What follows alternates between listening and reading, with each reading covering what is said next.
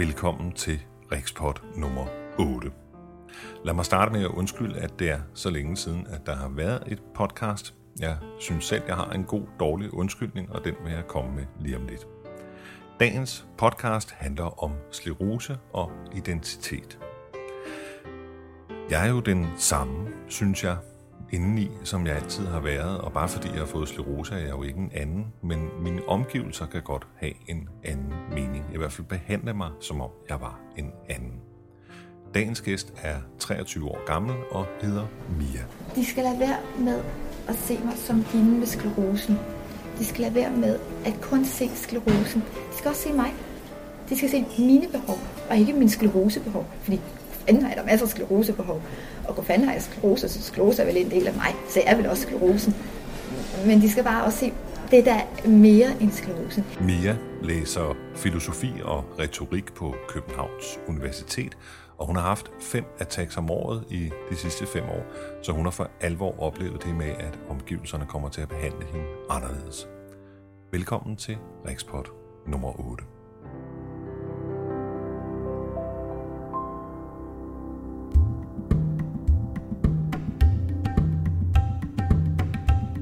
Lad mig skynde mig at komme med en god, dårlig undskyldning og altså en form for forklaring på, hvorfor der er gået så lang tid siden sidste podcast. Jeg havde en ambition om at producere et podcast hver tredje uge, og man skulle tro, at det kunne være muligt at øh, få en interviewaftale i stand og få tid til at redigere og sætte sammen, og hvad har vi.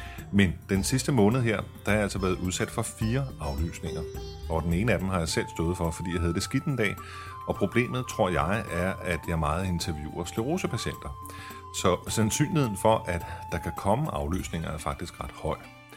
Og øh, ja, dem jeg så også interviewer, det er læger, og de er heller ikke for gode til at overholde aftaler. Nok fordi jeg ikke hedder Danmarks Radio, men bare sådan et lille podcast. Så der er altså nogle logistiske problemer, jeg vil egentlig, eller jeg havde regnet med, at øh, jeg ville være tre udsendelser foran, øh, da denne her måned var gået, fordi jeg simpelthen havde fire interview i hus. Øh, det er jeg ikke, og jeg vil håbe, at jeg kommer to udsendelser foran i den næste periode, men øh, vi får se. Efter dagens øh, interview, så kan du høre lidt nyheder til sidst i udsendelsen, hvor jeg lige følger op på nogle af alle de ting, der er sket. Men altså undskyld, undskyld, undskyld, og nu i gang med dagens udsendelse.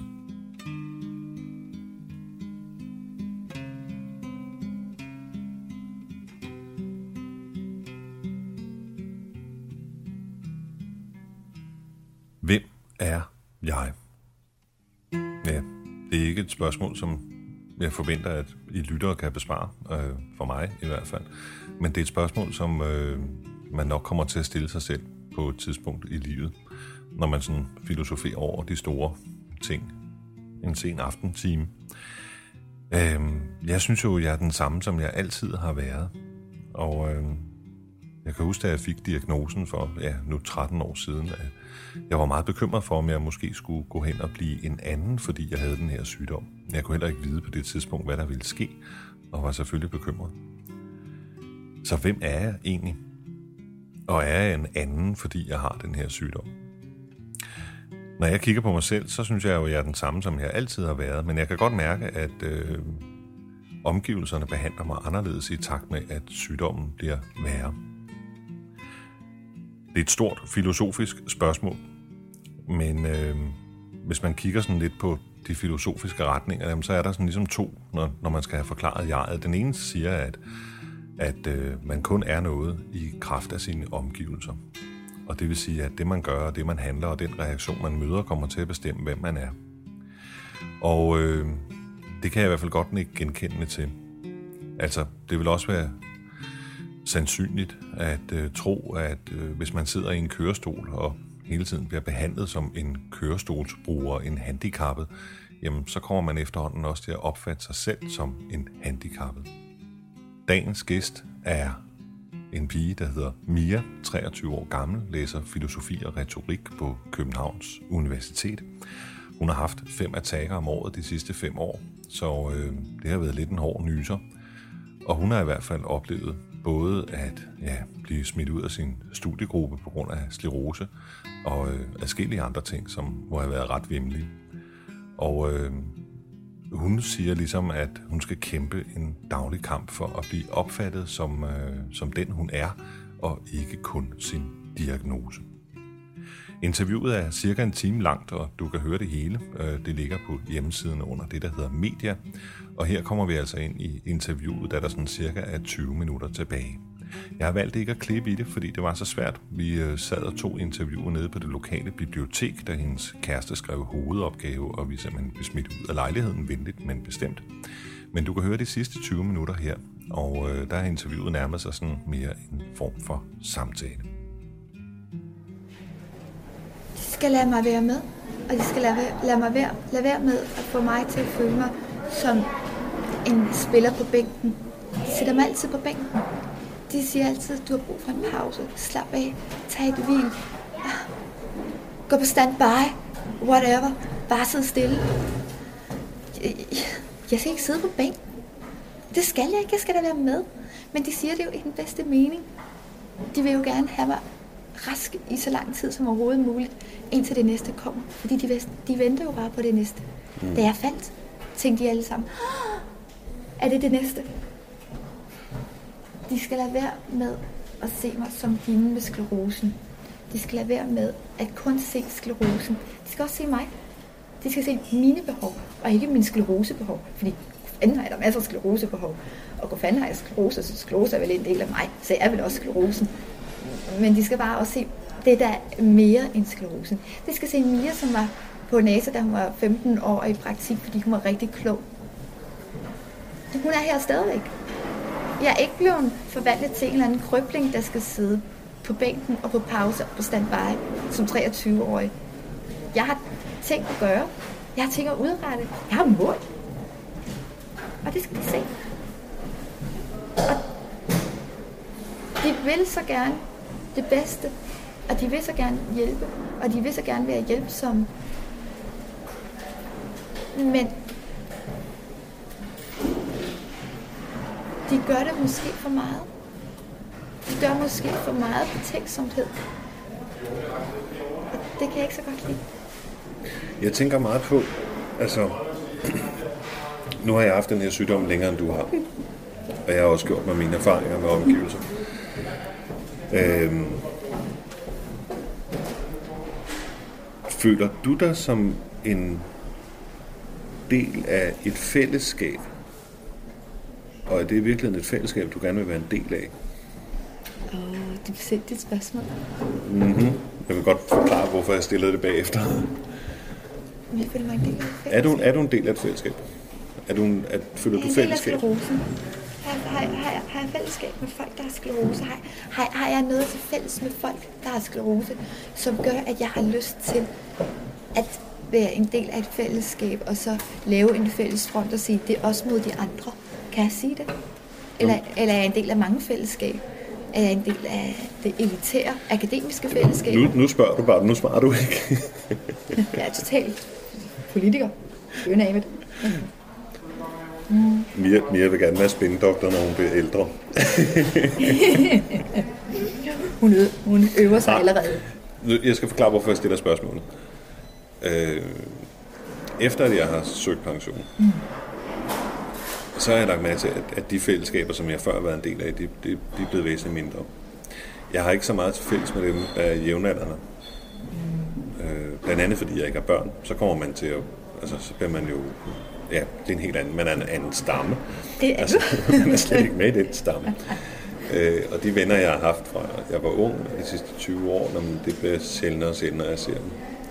Og jeg kan mærke, at jeg har behov for at, at se nogen, selvfølgelig det har alle mennesker, men mine behov er nok lidt mere spontan. Mm. Altså, man kan mærke, at man har en god dag. Ja. Og så når man har en god dag, så har man lyst til at være sammen med ja. andre. Så kan jeg ikke bare ringe til min gode ven, fordi så står han der midt i børnepasningen og siger, hvis du havde ringet for tre uger siden, så kunne vi have lavet en aftale. Kan du forstå? Så på den måde jeg ikke, føler jeg mig ikke som en del af det her fællesskab længere. Øh, jeg er heller ikke en del af noget jobfællesskab.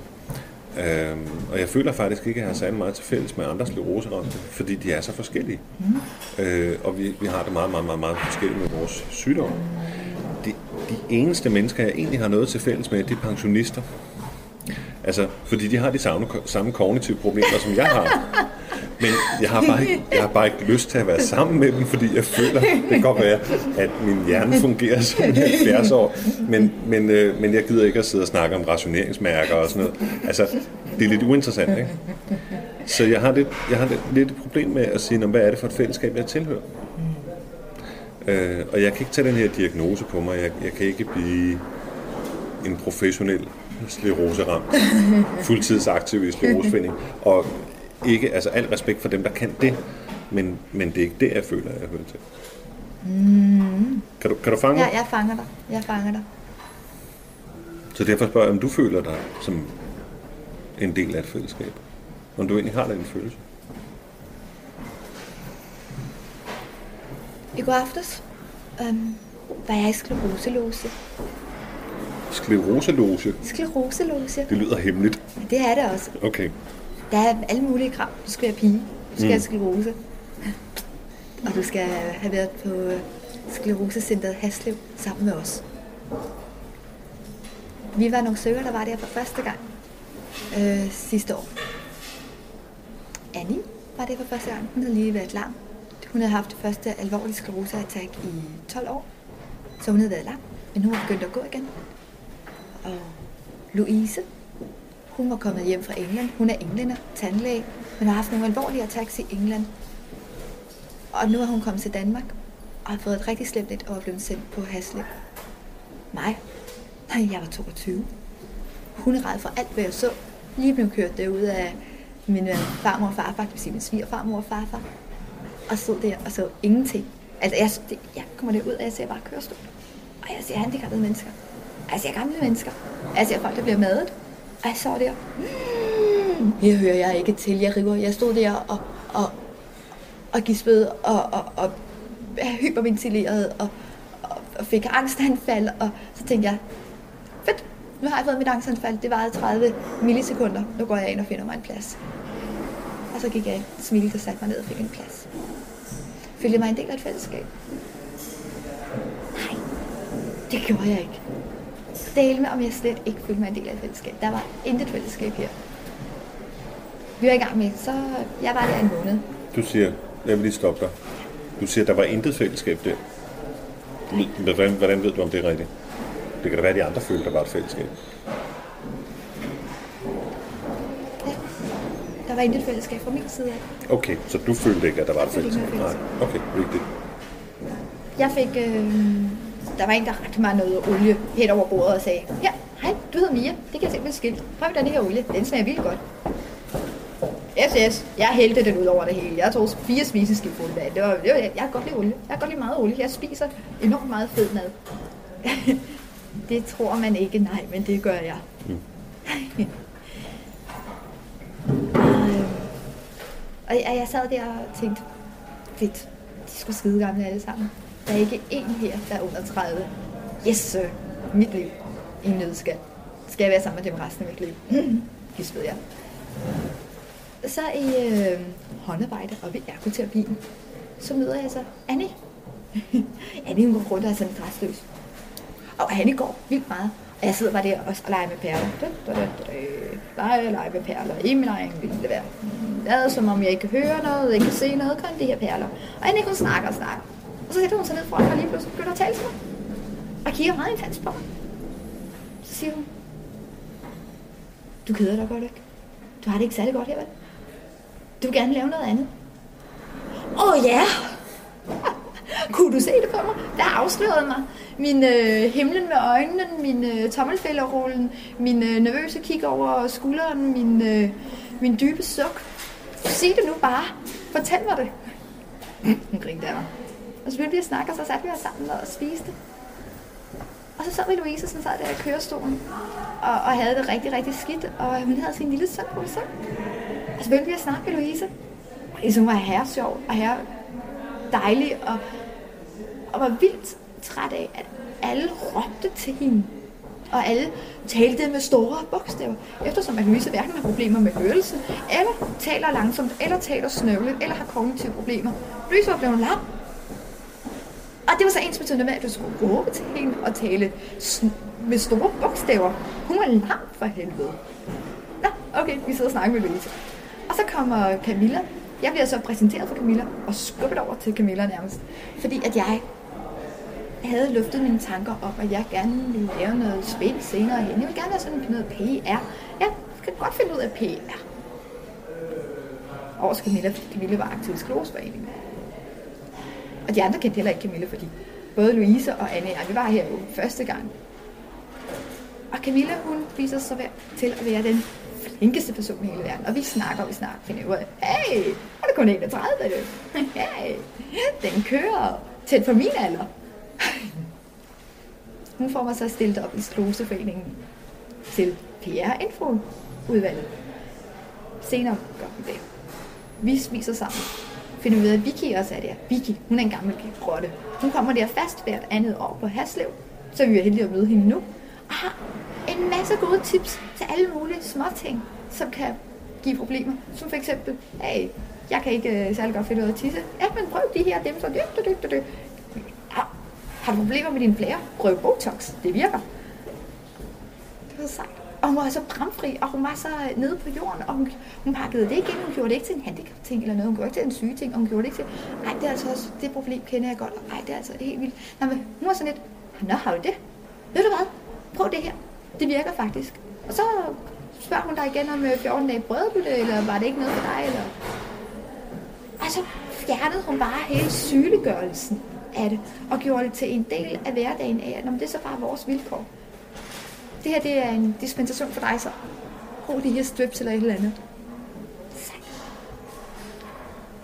Du føler et fællesskab med, med de piger. Med, med skleroselogen. Jeg føler et fællesskab. Hvad er det, hvad er det, hvad er det, der, hvad er det der gør, at det er et fællesskab? Umiddelbart vil man jo sige, hey, I piger, og I har alle sammen sklerose. Men så kigger man på os, hvad er vi for nogle piger? Camilla var ved at blive uddannet sådan en, der restaurerer billeder. Øh, konservator. Øh, konservator. Konservator. Ja. Og manglede kun at skrive en opgave. Og så gik hun på pension. Hun manglede en opgave. Ikke engang en svær opgave eller sådan en 10 point, point opgave. Manglede bare en opgave. Så gik hun på pension. Vicky. Vicky, hun er enormt øh, kunstnerisk og, og laver sjove citater og rammer ind i billeder og hænger op. Vicky hun sætter dukkehoveder på sin øh, tv-antenne for at få tv-antennen til at se sjovere ud. Eller giver sin sparebøsse en kongekrone på af pap. Det er fedt, ikke? Louise, hun er, hun er en ung mor øh, med en fireårig søn. Hun er tandlæge og hendes hænder virker ikke, så hun kan ikke arbejde som en pensionist, fordi hun fik ikke et andet tilbud. Annie er skolelærer. De kan ikke finde job til hende, så nu søger hun pension. Camilla vil gerne arbejde videre, men har meget velfungerende hænder, godt har arbejdet videre. Men kommunen kunne ikke hjælpe hende videre, så de gav hende pension. Vicky ville gerne have været kunstner, så hun kunne pension. Jeg er den eneste i gruppen, som ikke søger pension eller er på pension. Hvad vil der ske, hvis du, hvis du på et tidspunkt, og jeg siger ikke, at det sker. Men hvis jeg søger pension. Men, men hvis du gjorde det. Mm. Du sagde før, at du ville dø, og det tror jeg ikke helt er, er sandt. Hvad er der ske? Det er, det, var, det, det er ekstremt vigtigt for mig, at, at jeg yder mit, og at jeg har noget at være stolt over at jeg har min stolthed. Det, det, det er ikke kun stolthed, men, men det, det er identitet. Det, det er min sjæl. Nu bliver det sådan helt dybt og kirkegårdsk. Men jeg skal kunne se mig selv i øjnene. Jeg skal have min sjæl i behold. Og, og jeg skal have en stolthed, som kan give mig rankryg og hvis jeg er nødt til at få pension, så fred være med det, så kan det være, at jeg bliver så syg, at jeg rent faktisk har brug for pension. Men jeg vil ikke have pension, bare fordi, at kommunen vil tabe mig på gulvet, fordi så spiller de noget, og jeg spiller noget. Jeg vil ikke have pension, bare fordi, at der er 16.000 københavnere lige nu på venteliste til et flexjob, og at jeg derfor bare vil stå bagerst i køen. Derfor vil jeg ikke have pension. Jeg vil have lov til at yde det, jeg vil. Og jeg vil yde. Jeg skal ikke bare yde det, jeg vil. Jeg skal yde det, jeg kan.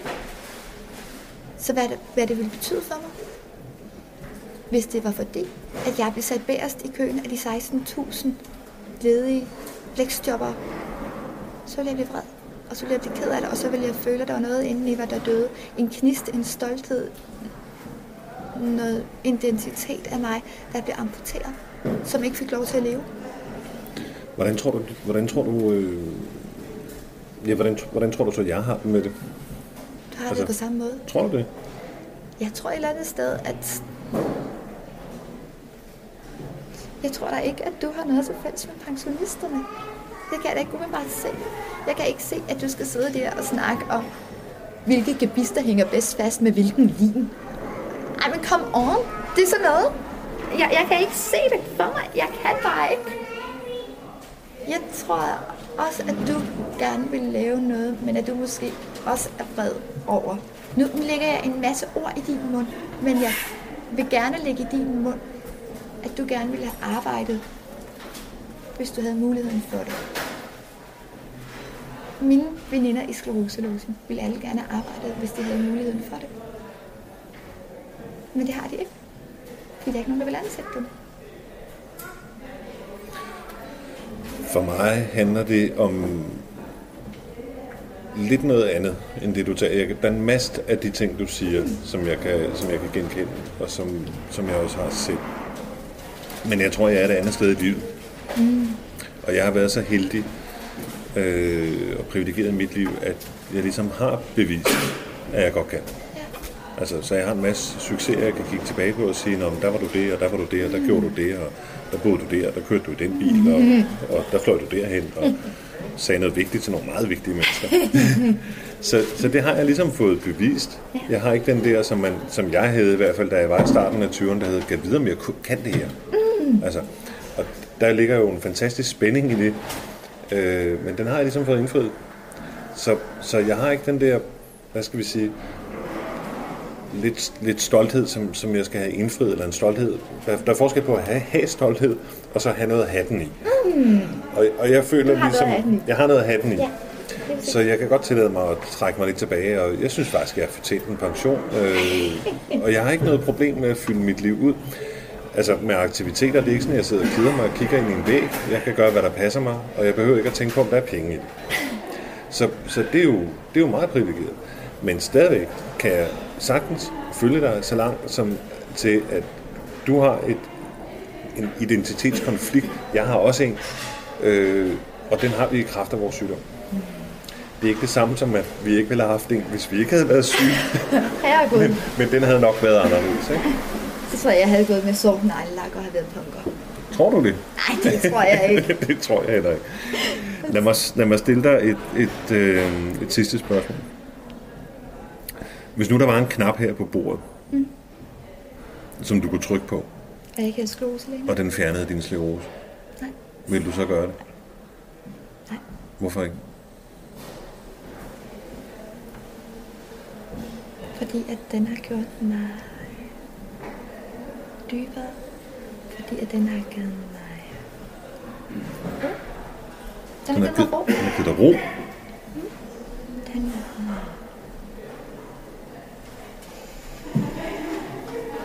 Den har givet mig karakter. Den har givet mig styrke. Den har givet mig en vilje.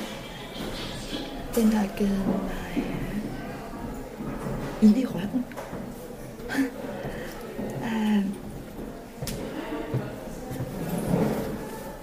Den har gjort mig rundere. Den har gjort mig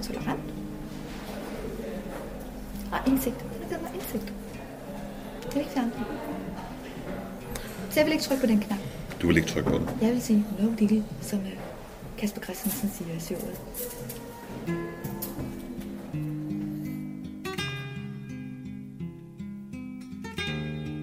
Det, der imponerede mig mest, da jeg havde talt med Mia, det var hendes ukulige fightervilje.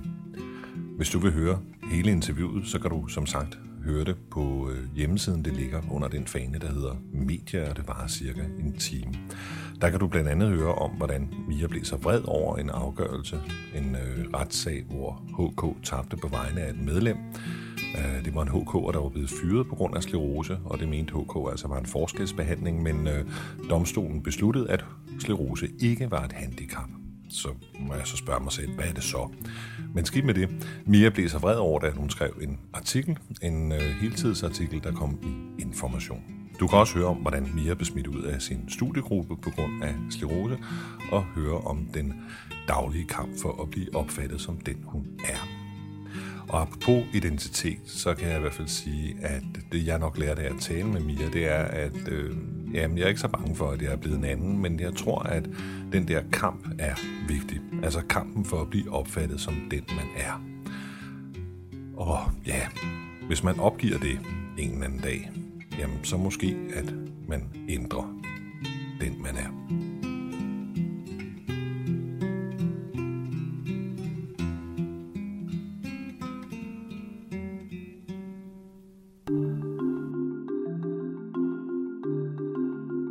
Rikspot synger på sidste vers for i dag, men inden vi slutter, vil jeg lige komme med en opsummering eller et antal nyheder, hvad vi nu skal kalde det, altså følge lidt op på dit hængepartier, jeg har i forhold til sidste udsendelse. Lad mig starte med kognitiv genoptræning. Jeg har jo en idé om, at Sleroseforeningen skal arbejde for, at scleroseramte får de samme rettigheder i forhold til behandlingssystemet som øh, hjerneskadepatienter, da hjerneskade er at sidestille med sklerose. Jeg har rejst forslaget, og du kan på den side, der hedder Media på min hjemmeside, kan du følge sagen skridt for skridt. Der er ikke sket så meget. Jeg har skrevet forslaget, og jeg har fået en mail om, at forslaget er modtaget og er taget op til behandling i Sundhedsudvalget og Politisk Udvalg. Hvad der er sket der, det er ikke godt at vide. Det har måske ikke holdt et møde. Jeg har i hvert fald ikke fået noget at vide, men jeg har bidt mig fast. Bare roligt. D-vitamin. Øhm, jeg fik konstateret hos lægen, at mit D-vitamin-niveau var for lavt. Det er nu mange uger siden, og jeg er så gået og fået indsprøjtninger med D-vitamin. Det havde det niveautal, som hed 21, da vi gik i gang, og det var i hvert fald alt for lavt. Nu er behandlingen afsluttet, og man har målt på mig igen, og mit D-vitamin-niveau er stadig 21. Så jeg er gået i gang igen med behandling. Indsprøjtninger nu hver 14. dag, og så må vi se, om det hjælper. Hvis ikke det øh, retter på mit niveau, så det kommer op i normalområdet, ja, men så har jeg tænkt mig at finde den ekspert, der ved mest om D-vitamin her i landet, og interviewe ham eller hende. Jeg kunne i hvert fald godt tænke mig at se, om ikke øh, det hjælper, når niveauet kommer op. Jeg kan i hvert fald mærke en tydelig forbedring lige dagene efter, jeg har fået sådan en indsprøjtning. Min pensionssag er heller ikke afgjort endnu. Vi er nu oppe på 3,5 år. Øhm, for syv måneder siden gik sagen til endelig afgørelse i Københavns Kommune, og ja, de syv måneder har jeg ikke hørt noget. Hvis man skal anskue det lidt positivt, så øh, kan man vel sige, at de er meget, meget grundige. Øhm, men altså, jo længere tid der går, øhm, hvor jeg har været væk fra arbejdsmarkedet, man kan man jo sige, at hvis ikke jeg får min pension, jamen, så bliver det nok mere, eller ja, mere vanskeligt at komme tilbage på arbejdsmarkedet igen. Men skidt nu med det, jeg kan hygge mig imens med at lave podcast. Den sidste ting, som øh, jeg vil fortælle lidt om, det er en meget positiv nyhed, det er, at jeg har jo en drøm om, at når man får diagnosen på hospitalet, så får man samtidig udleveret en lille iPod, altså sådan en lille MP3-afspiller og et par hovedtelefoner. Og der på denne her iPod ligger en hel række udsendelser, hvor man kan møde andre skleroseramte, som har haft sygdommen i mange år. Man, der er interview med læger, der er interview med psykologer, og hvad der nu ellers kunne være relevant. Kunne det ikke være dejligt, hvis man fik sådan en, i stedet for de der brochurer, eller som supplement til de der brochurer, som er lidt kedelige og måske ikke siger så meget, som et interview gør.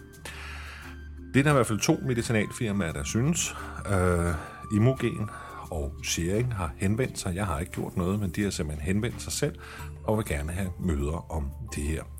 Øhm, og ja, simpelthen landedirektøren for Sharing tager en flyvemaskine fra Stockholm ned og møder mig på Hotel Hilton i Lufthavnen. Så øhm, jeg kan også føle mig lidt vigtig igen. Det er simpelthen meget rart. Men hvad der sker øh, omkring de møder, det vil jeg selvfølgelig også fortælle her i Rikspot. Det var Rikspot for i dag. Som sagt, næste podcast kommer forhåbentlig til at være et interview med læge Mads Ravnborg om lige præcis nydiagnostiseret. Tak for i dag, og vi lyttes ved i næste podcast.